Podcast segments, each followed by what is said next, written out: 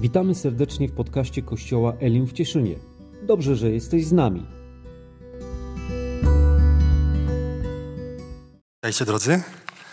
Nie wiem, czy sobie y, przypominacie, ale dzisiejszy tytuł kazania jest już znany, bo był zapowiedziany około miesiąc temu, 30 listopada. Y, wtedy po raz pierwszy y, dzieliłem się tym tematem i zapowiedziałem, że w dniu dzisiejszym, czyli 4 stycznia, dobrze mówię, tak? Będzie kontynuacja, druga część. Nie wiem, czy ktoś z Was pamięta, jeżeli był na pierwszej części, jaki to był temat? Czy o marzeniach nie wiem? Nie wiem, jakbyśmy to mogli yy, yy, w to wpleść. Pastor tutaj mówi o zwiedzeniu, tak? Yy, tytuł kazania Prawda czy herezja? I dzisiaj druga część. Y, tytułem takiego wstępu i przypomnienia. Y, w pierwszej części mówiliśmy o y, przynajmniej kilku herezjach, dwóch, trzech. Zapraszam do odsłuchania tego kazania. Jest na naszej stronie. Nie chcę tracić czasu, aby mówić o tym, co już było, ale chcę się skupić na tym, co jest przed nami. E, kontynuując dzisiaj ten temat, e, chciałbym się skupić na kilku fragmentach z Bożego Słowa, które są dla nas prawdą. Które są dla nas prawdą niezmienną i nienaruszalną. E, prawdą, która ciągle wybrzmiewa. Prawdą, która wybrzmiewa dość sporo czasu.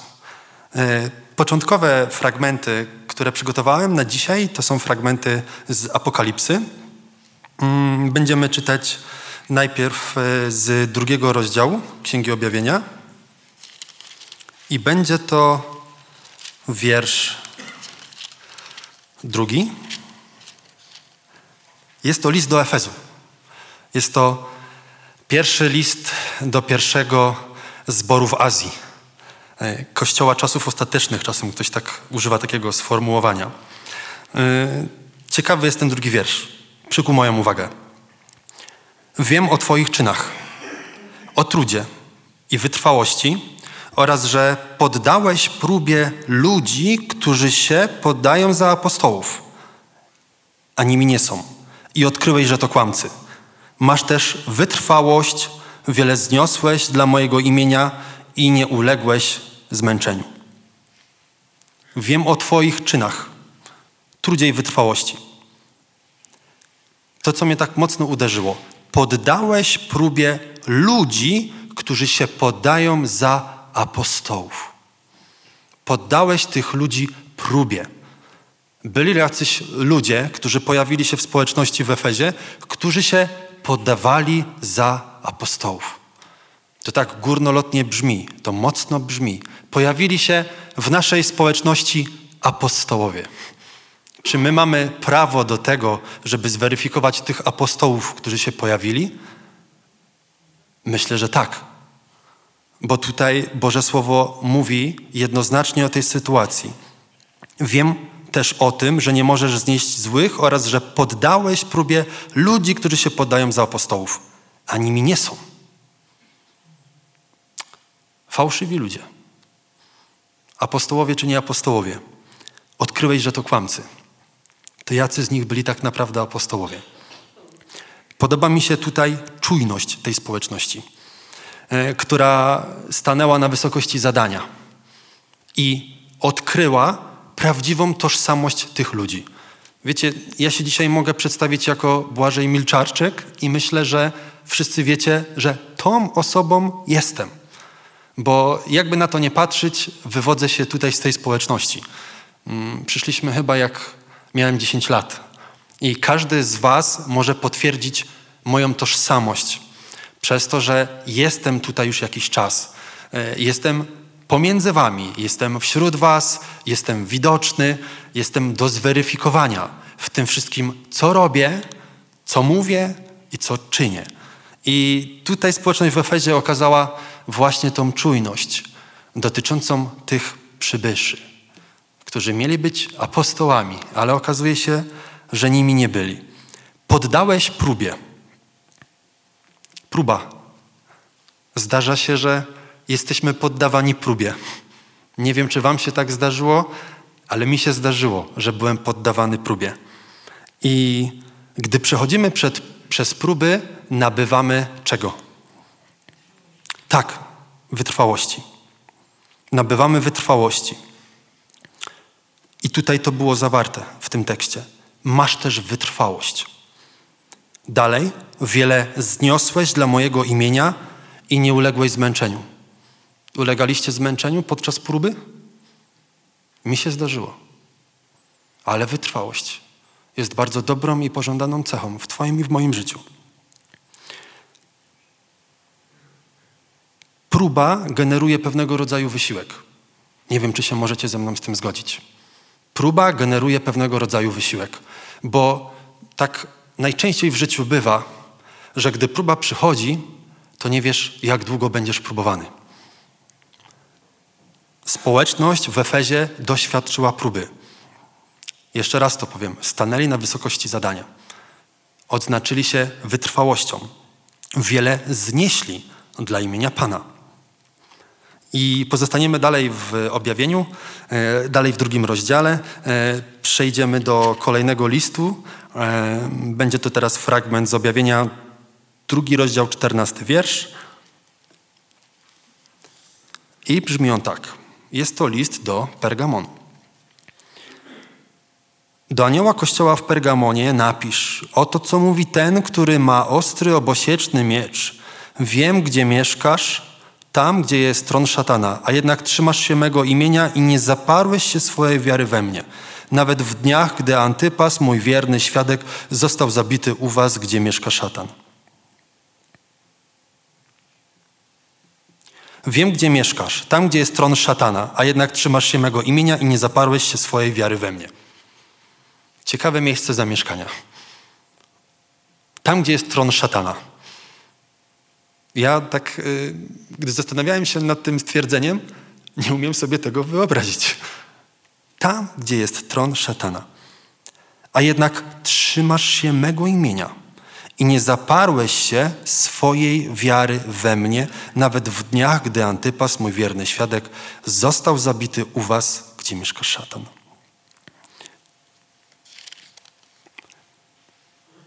Kolejny fragment.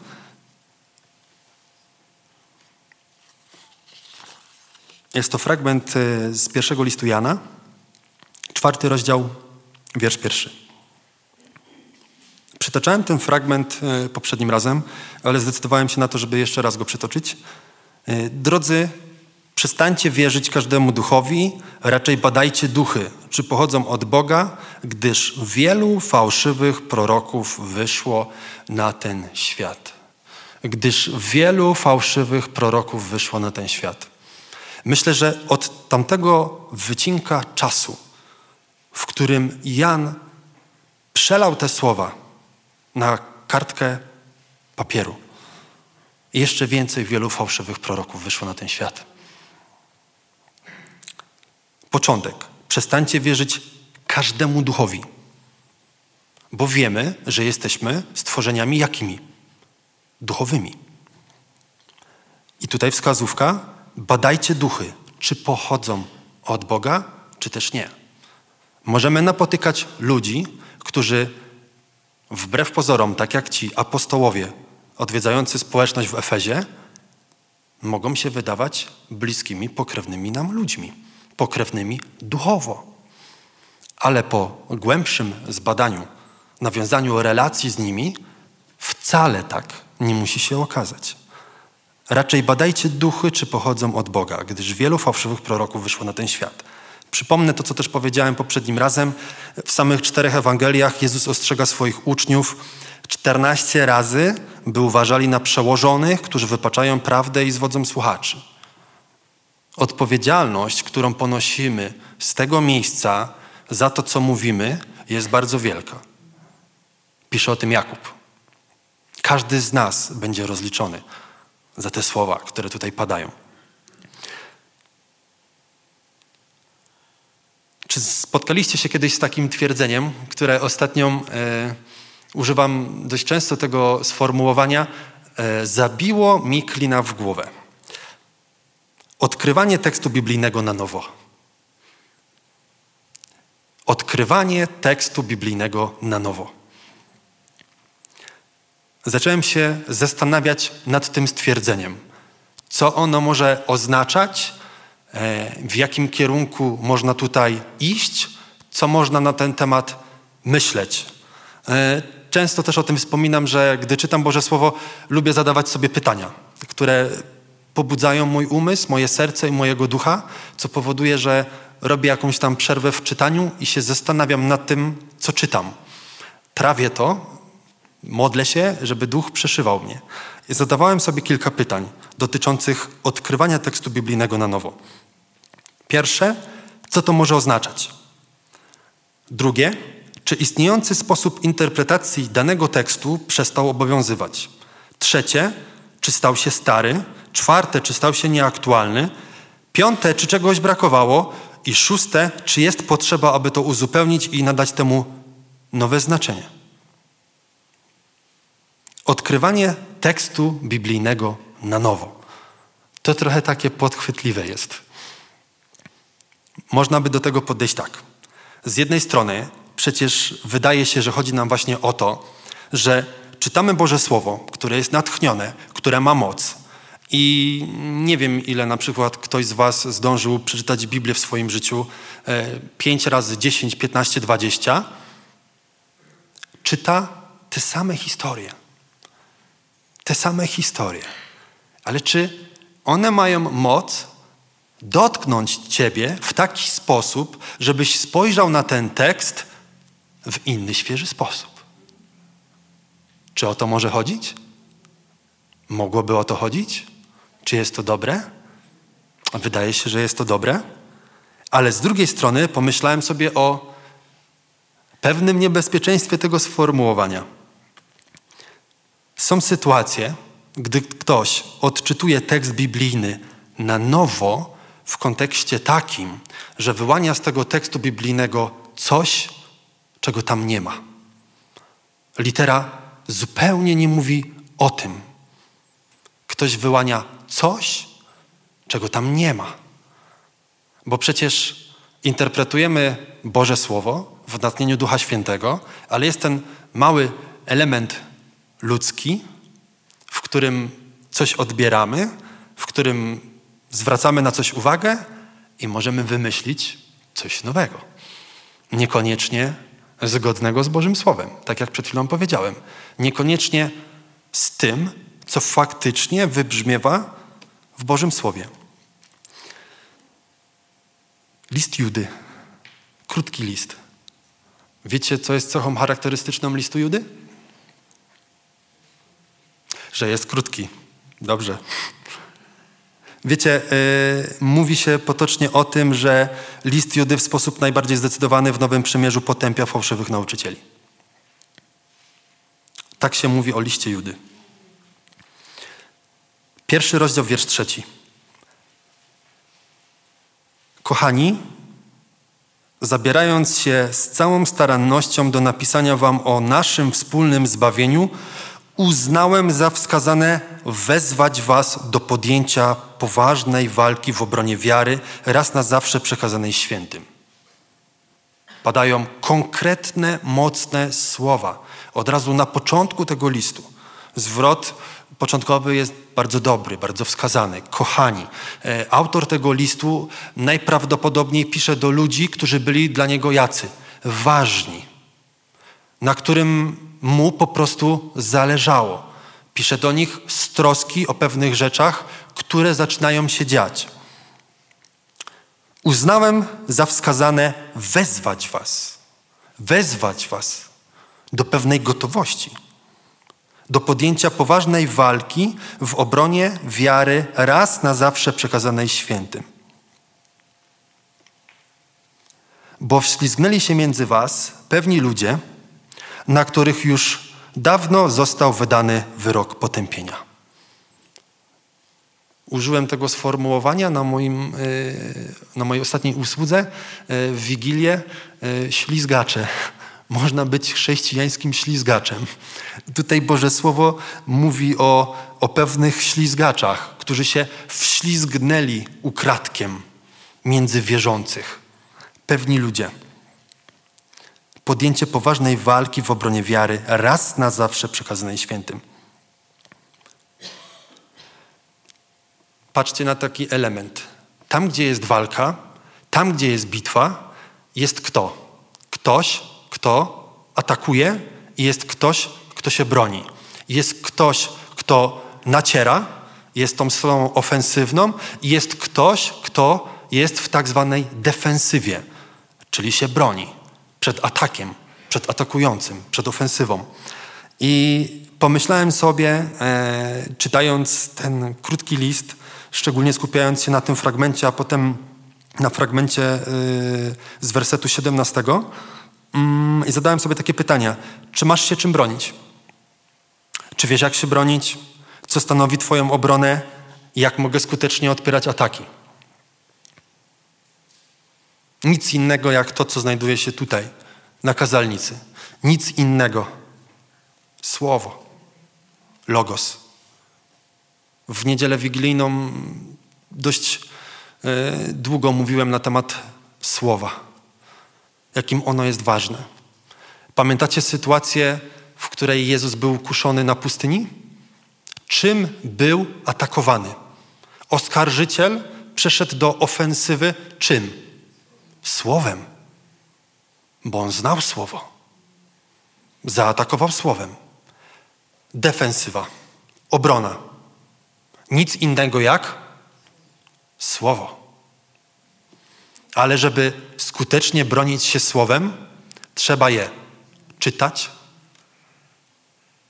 I to nie wystarcza. Trzeba je znać. Ono musi być wyryte w Twoim i w moim sercu, w myślach. I trzeba umieć korzystać z tego, co masz w sercu i co masz w myślach, żeby w sytuacji, w której trzeba się bronić, umieć uwolnić logos, słowo, słowo obrony. Ten dalszy werset e, z pierwszego rozdziału, czyli wiersz 17. Wy natomiast, kochani, Przypomnijcie sobie dawne słowa apostołów naszego Pana Jezusa Chrystusa.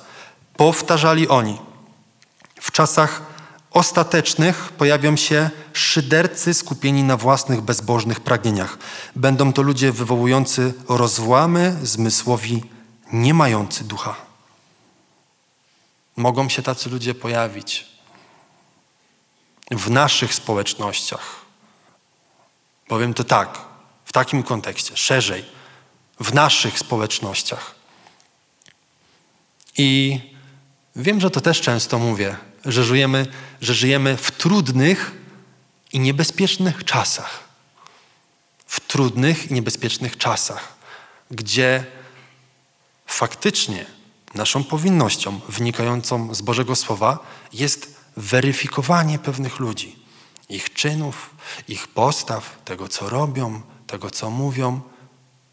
Tak jak wcześniej czytaliśmy, badania ducha. Czy ten duch, o którym oni mówią, to jest faktycznie ten duch, czy być może to jest coś innego. Myślę, że y, herezje, tak jak pastor mówił, zwiedzenie, y, fałszywe nauki nie są dla świata chrześcijańskiego niczym nowym, skoro wydarzyło się to już wtedy. I pomyślałem sobie, oni mierzyli się z bardzo trudnymi rzeczami już wtedy. Mówię, panie, jak tego się namnożyło do dnia dzisiejszego? Jak to się rozprzestrzenia? Na YouTubie wystarczy sobie odpalić pewne rzeczy i momentalnie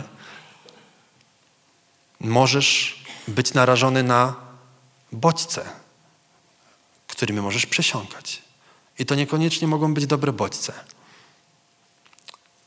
Paweł, Jan, Juda, Jezus mówili o tym.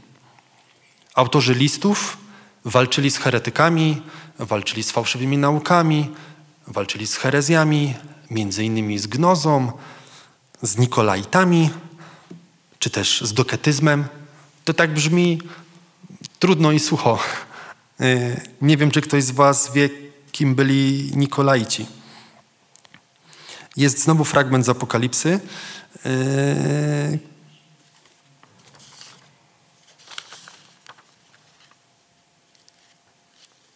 który mówi tak. Lecz mam nieco przeciwko tobie. Otóż są między wami zwolennicy nauki Baalama. Jak wiadomo, pouczał on Balaka, jak usidlić synów izraelskich i skłonić ich do spożywania tego, co pochodzi z ofiar składanych bóstwom oraz do nierządu. Podobnie wśród was są tacy, którzy trzymają się nauki Nikolaitów. Opamiętajcie się, bo jeśli nie, to wkrótce przyjdę do ciebie i będę z nimi walczył mieczem moich ust. Opamiętajcie się. W waszej społeczności są ludzie, którzy trzymają się pewnej złej nauki, zwodniczej nauki. Musicie się odciąć od tych ludzi. Daję wam szansę. Możecie zrobić to wy. Rozprawić się z tym, co przyszło, lub zrobię to ja.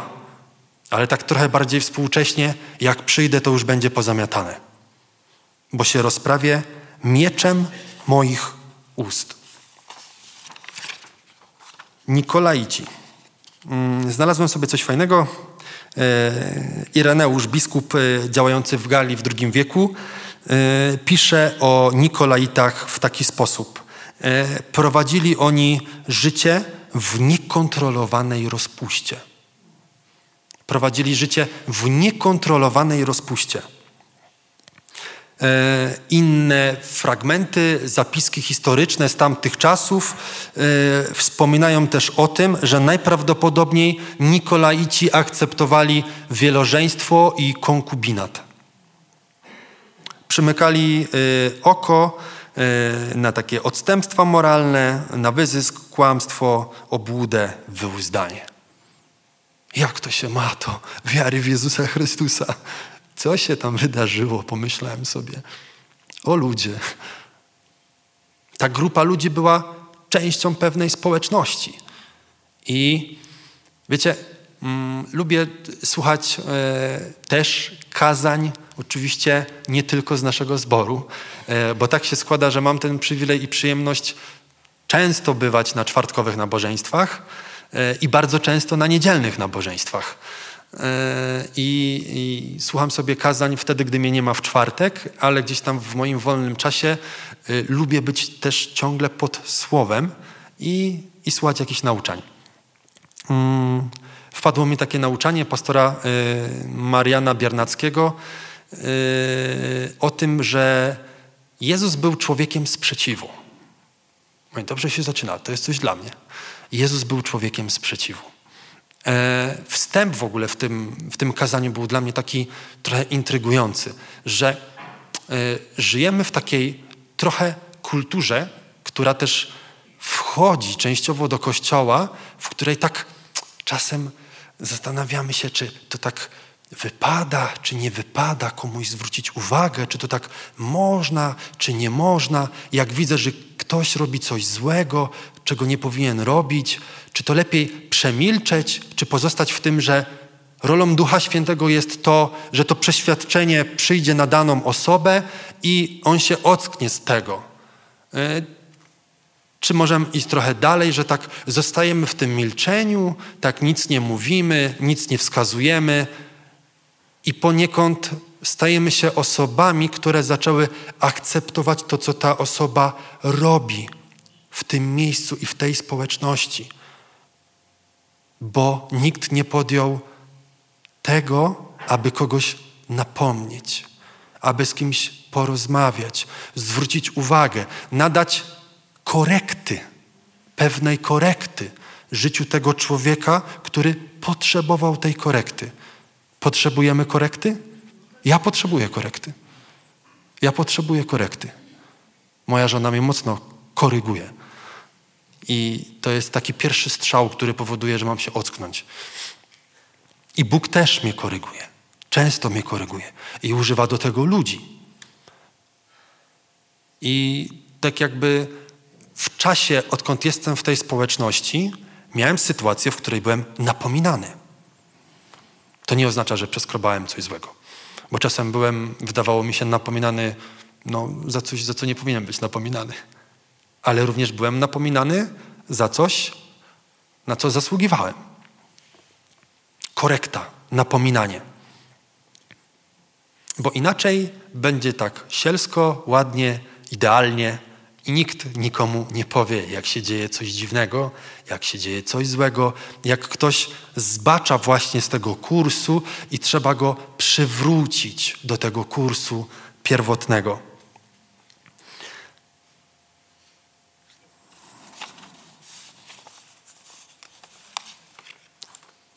Pierwszy list Jana, drugi rozdział, wiersz 24.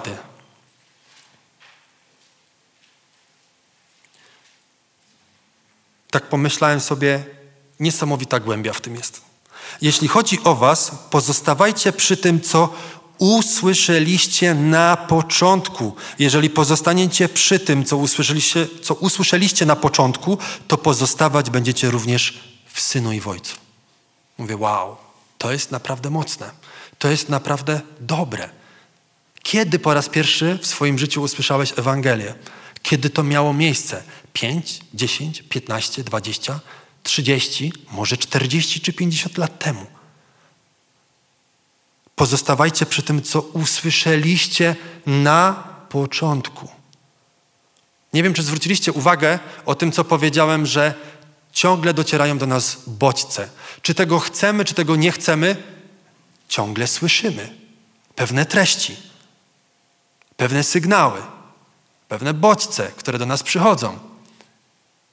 I to musimy weryfikować z tym, co słyszeliśmy na początku. Bo pewne rzeczy się zaczynają zmieniać, pewne ideologie zaczynają się zmieniać, pewne nauczania zaczynają się zmieniać. I bardzo łatwo jest to próbować wsadzić w Boże Słowo, ale gdy czytasz to Boże Słowo, to okazuje się, że to nie jest to, co mogłeś słyszeć na początku. Nie wziąłem dzisiaj y, gąbki, bo pomyślałem sobie, że wezmę gąbkę i naczynie z wodą, pokazać Wam właśnie, jak to działa. Gdy weźmiemy gąbkę i wsadzimy ją do wody, jak ona chłonie tą wodę. Maksymalnie. Cała powierzchnia gąbki jest tą powierzchnią chłonącą. Ja zwróciłem uwagę na to, że czasem w moim życiu nie chcę słuchać, a muszę słuchać. Macie też tak? Taki prosty przykład. Wracałem z synodu, e, pojechaliśmy grupą razem e, samochodem stąd, e, no ale to był czas, w którym e, nasz Antek był bardzo malutki i wytargowałem z żoną, że pojadę tam na jeden dzień i drugiego dnia wrócę pociągiem. Pierwszy raz jechałem pociągiem od długiego czasu i wracałem z Warszawy pociągiem yy, i się okazało, że jednak w przedziale nie będę jechał sam. Yy, były tam trzy osoby, yy, pewien pan, młoda dziewczyna i ten pan tak na luzie rozmawiał przez telefon. E, częściowo wykonując swoją pracę, dowiedziałem się bardzo dużo o nim, e, co robi i tak dalej, i tak dalej, i tak dalej. E, czym się zajmuje, mówił też po angielsku, na tyle ogarniałem angielski, że potrafiłem tam też zrozumieć, o czym mówił.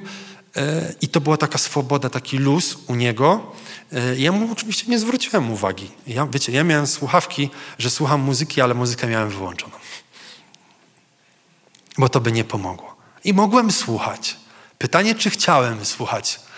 E, I młoda dziewczyna wracała ze szkoły, z Warszawy. Dojeżdża tam do szkoły. Tego się też o niej dowiedziałem. Mówiła o pewnych problemach na balecie i tak dalej, i tak dalej, i tak dalej.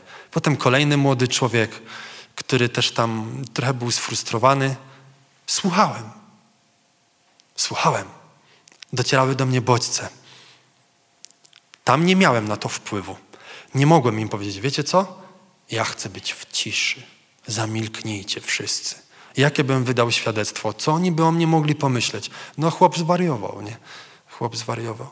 Ale jest moment, w którym mamy ten wolny wybór, w którym nie zawsze musimy słuchać tego, co do nas dociera, bo to ty w gruncie rzeczy decydujesz o tym, co dociera do ciebie, do twojego życia, do Twojego serca, do Twojego umysłu. To jest bardzo ważne. Jeżeli nie chcesz, to możesz zaprzestać tego słuchania. Dzisiaj powiedziałem, że mówimy bardziej w kierunku e, inaczej. Idziemy bardziej w kierunku o dotyczącym prawdy wynikającej z Bożego Słowa. E, czy ekscytujemy się Duchem Świętym? Takie pytanie Wam zadam. Tak. Ekscytujemy się Duchem Świętym. Niektórych z nas być może już ciarki przeszły na plecach. Duch Święty. Ha, pocieszyciel. Taka niespodzianka dla uczniów. Ale przychodzi ktoś, kto będzie z wami, jak ja odejdę. Parakletos, pocieszyciel, który będzie mieszkał w was. Nie poczujecie tego braku, że mnie nie ma, bo będzie ktoś równym mi. Ale czy ekscytacja Duchem Świętym może być problemem? Też. Tutaj siostra słusznie zwróciła uwagę. Też. Czy jest taki fragment w Bożym Słowie, w Nowym Testamencie dotyczący pewnego człowieka, który zaczął się ekscytować Duchem Świętym w sposób taki, w jaki nie powinien? Z pobudek takich, z jakich to nie powinno wynikać. Wiecie chyba o kim mówimy. Chciał go kupić. Dzieje apostolskie, ósmy rozdział. Odnośnie tego kupna, to tylko przypomnę o tym, że w pierwszej części mojej usługi mówiliśmy o pewnych rzeczach, które są Bożym prezentem dla Ciebie i dla mnie, czyli dary Ducha Świętego. Jak sama nazwa wskazuje, Duch rozdziela jak chce. Ty możesz o to zabiegać, jest to pożądane. Możesz się o to modlić, możesz tego chcieć, ale to On decyduje, jak rozdziela. Nie ma tutaj 100% ludzi w tej społeczności, którzy mówią językami, prorokują i mają dar wykładania języków. Nie ma. I tego nie możesz kupić. I był człowiek, który chciał to kupić. Hmm, wspominałem też o tym właśnie, że ten y, ósmy rozdział dziejów apostolskich jest bardzo bogaty. E, bardzo lubię ten y, rozdział, który opowiada nam właśnie o tym zakresie służby Filipa, który przybywa gdzie? Do Samarii. I tam początek jest mocny. Dzieją się tam niesamowite rzeczy za sprawą Ducha Świętego, który działał przez Filipa. E, ja sobie to tutaj wynotowałem. E, ktoś chce, to może otworzyć ten ósmy rozdział, ale nie musi. Y, wychodziły duchy nieczyste, wielu sparaliżowanych i ułomnych zostało uzdrowionych. Radość przyszła do tego miasta. Radość przyszła do tego miasta. No, Duch Święty czynił niesamowite rzeczy przez Filipa. Ale Boże Słowo podaje nam pewną wzmiankę o człowieku, który tam był, którym był Szymon. I czym on się wcześniej zajmował? Czarnoksiężnik. Jego przydomek sugeruje to, z czego był znany, e, dziedzinę, którą się zajmował, e, to, co uprawiał. Czarnoksiężnik. I jest fragment, który mówi w tym ósmym rozdziale o tym, że mm, on się zajmował magią. Wprawiał lud Samarii w zachwyt, podając się za kogoś wielkiego i to, co wzbudziło te pewne kontrowersje dla mnie, Wszyscy go poważali, twierdząc, że Filip jest uosobieniem mocy Bożej. Przepraszam, dobrze siostra czuwa tutaj Szymon, nie Filip. Szymon. Ale co się okazało? To był falsyfikat, podróbka. To nie była moc Boża. E, tamci ludzie twierdzili, że jednak jest to moc Boża. Ale doświadczyli prawdziwej mocy Bożej przez Ducha Świętego, który działał w Filipie i kolejnych osobach, którzy, które przyszły do Samarii. On uwierzył, został ochrzczony i trzymał się blisko Filipa. I potem kto przybywa? Piotr i Jan.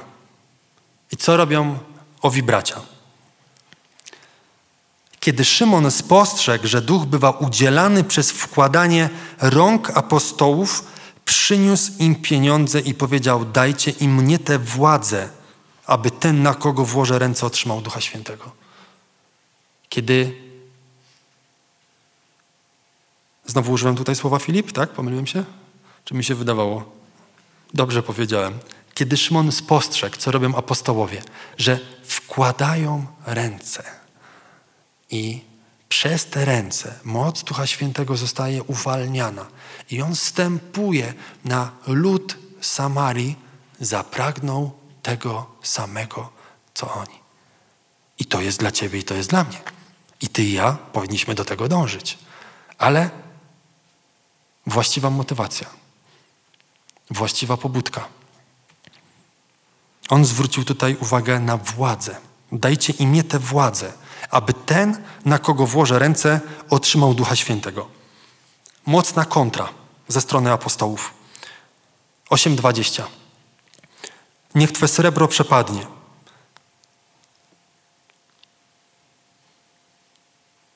Niech Twe srebro przepadnie. Otworzymy sobie może ten fragment.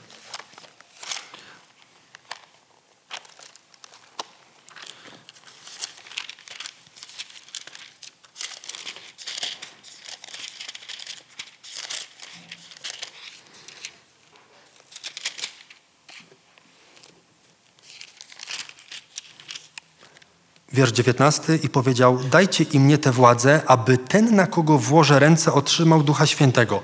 Piotr odpowiedział mu jednak: Niech twe srebro przepadnie wraz z tobą. Ponieważ sądziłeś, tak jak wcześniej o tym mówiliśmy, że dar Boga można nabyć za pieniądze? Nie masz cząstki ani udziału w tym poselstwie. Trudne słowa dla tego człowieka, ale bardzo mocne gdyż Twoje serce nie jest szczere wobec Boga. Opamiętaj się więc i odwróć się od tego zła. Proś też Pana, czy nie mógłby Ci przebaczyć, czy nie mógłby Ci być przebaczony zamysł Twojego serca. Bardzo niebezpieczna rzecz. Dobra fascynacja Duchem Świętym, Jego działaniem, Jego zakresem, tym, co jest w Duchu Świętym dla Ciebie i dla mnie, jeżeli chodzi o aspekt darów, ale też zła fascynacja, wynikająca być może z moich egoistycznych pobudek. Nieprzemienione myślenie, nieprzemienione serce. I o tej karze, która może kosztować za takie czyny, mówi Piotr. Mm, chciałbym przejść do fragmentu z Ewangelii Mateusza. Yy, I to jest rozdział siódmy wiersz 22. On dla mnie bardzo dobrze łączy się z tą historią. To jest taki szlagier. Myślę, że wszyscy go znamy. W tym dniu wielu mi powie: Panie, panie, przecież prorokowaliśmy w Twoim imieniu. W Twoim imieniu wypędzaliśmy demony i w Twoim imieniu dokonaliśmy wielu cudów. Wówczas im oświadczę, to mówi Jezus. Coś dziwnego Jezus im powiedział. Jak to jest możliwe? Nigdy was nie poznałem. Dalej, odejdźcie ode mnie, wy wszyscy, którzy dopuszczacie się bezprawia. Falsyfikat, znowu, podróbka. Czujność Twojego i mojego serca, badająca duchy, z czego to wychodzi, z jakiej mocy to wychodzi.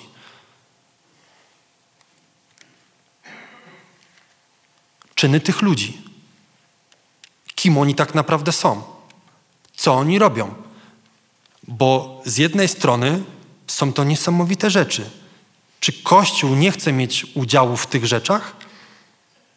Przecież w Twoim imieniu prorokowaliśmy, w Twoim imieniu wypędzaliśmy demony i w Twoim imieniu dokonaliśmy wielu cudów. Dobre rzeczy, dobre rzeczy.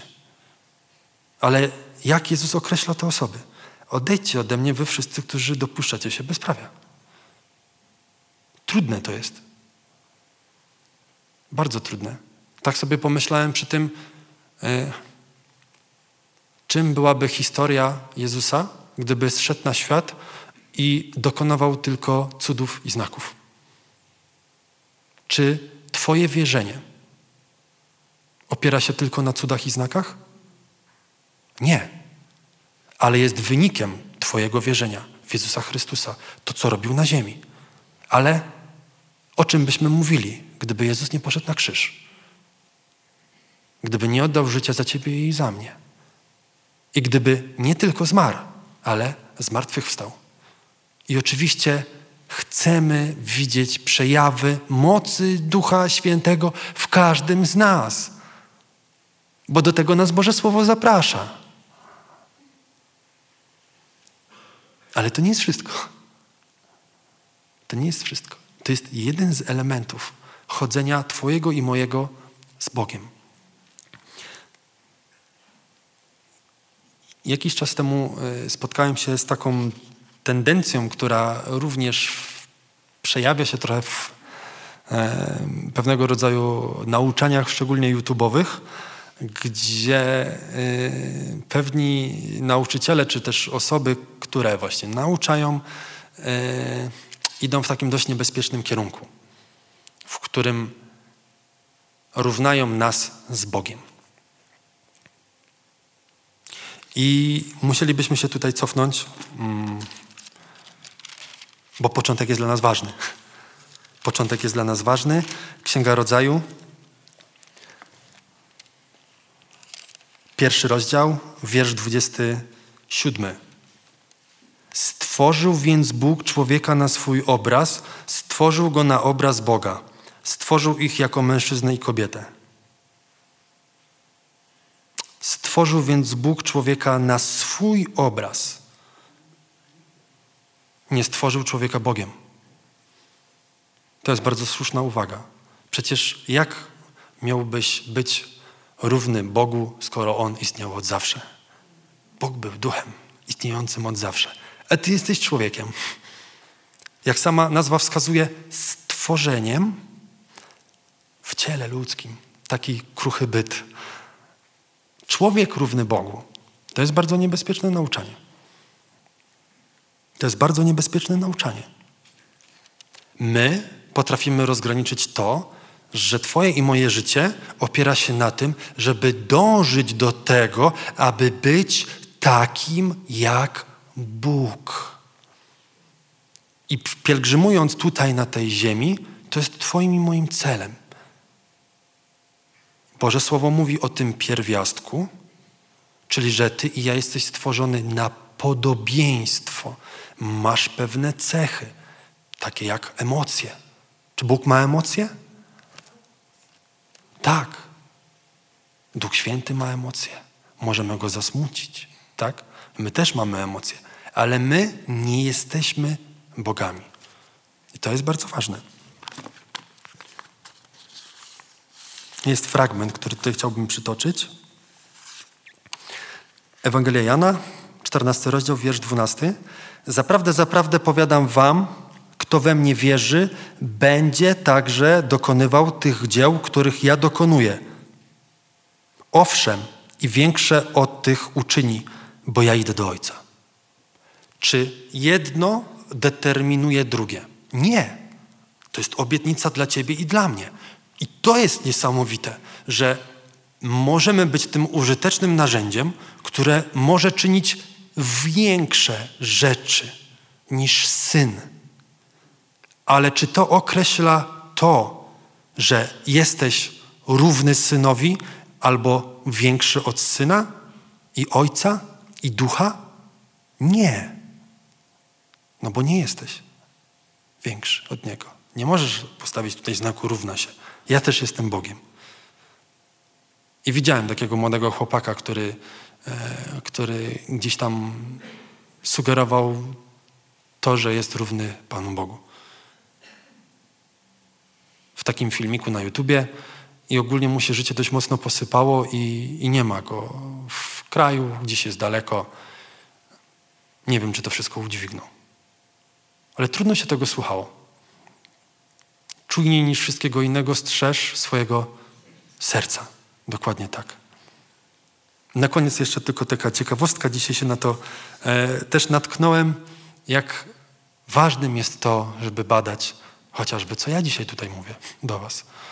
I potem można wychwycić coś i będę musiał rozmawiać z Wami, albo raczej Wy ze mną, bo sprawdziliście to w Bożym Słowie i może padło coś, co nie powinno natknąłem się na jakąś usługę e, pewnego pastora i nagle słyszę, że on mówi, jest jestem tak zdenerwowany tym, że my ciągle mówimy o dziesięciu przykazaniach. Jesteśmy kościołem Nowego Przymierza. Powinniśmy to w końcu schować do lamusa i do komody. Ja mówię, o, coś nie ogarnąłem tej czasoprzestrzeni, co tu się wydarzyło? Mówię, Błażej, wróć jeszcze raz. No i jednak to tak zabrzmiało. I zastanawiam się, czy to było fopa, które dotyczyło tego, żebyśmy nie byli w zakonie i żyli w Nowym Przymierzu, ale dalej, gdy ten pastor zaczął mówić, to jasno powiedział, to nas nie obowiązuje.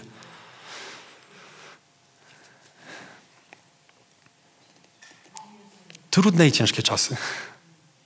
I spoczywa nie tylko na liderach, nie tylko na przywódcach to brzemię, ale na każdym z nas.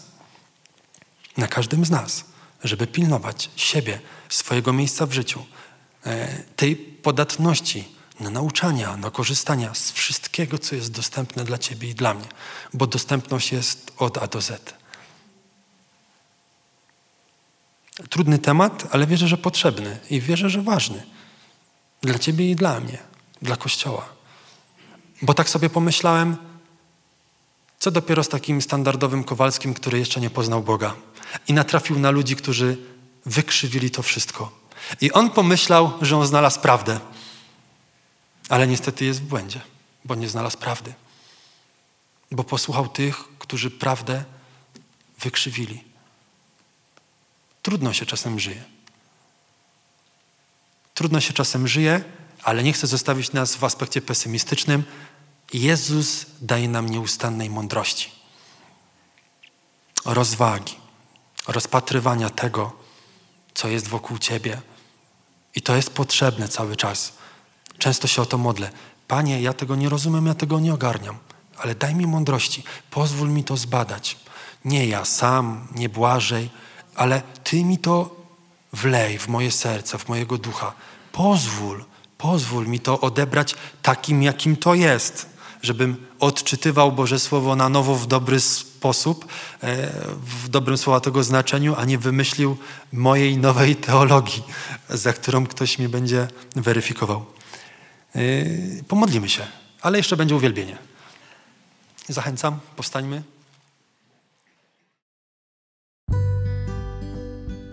Dziękujemy za wysłuchanie rozważania. Mamy nadzieję, że było ono dla Ciebie źródłem błogosławieństwa i inspiracji.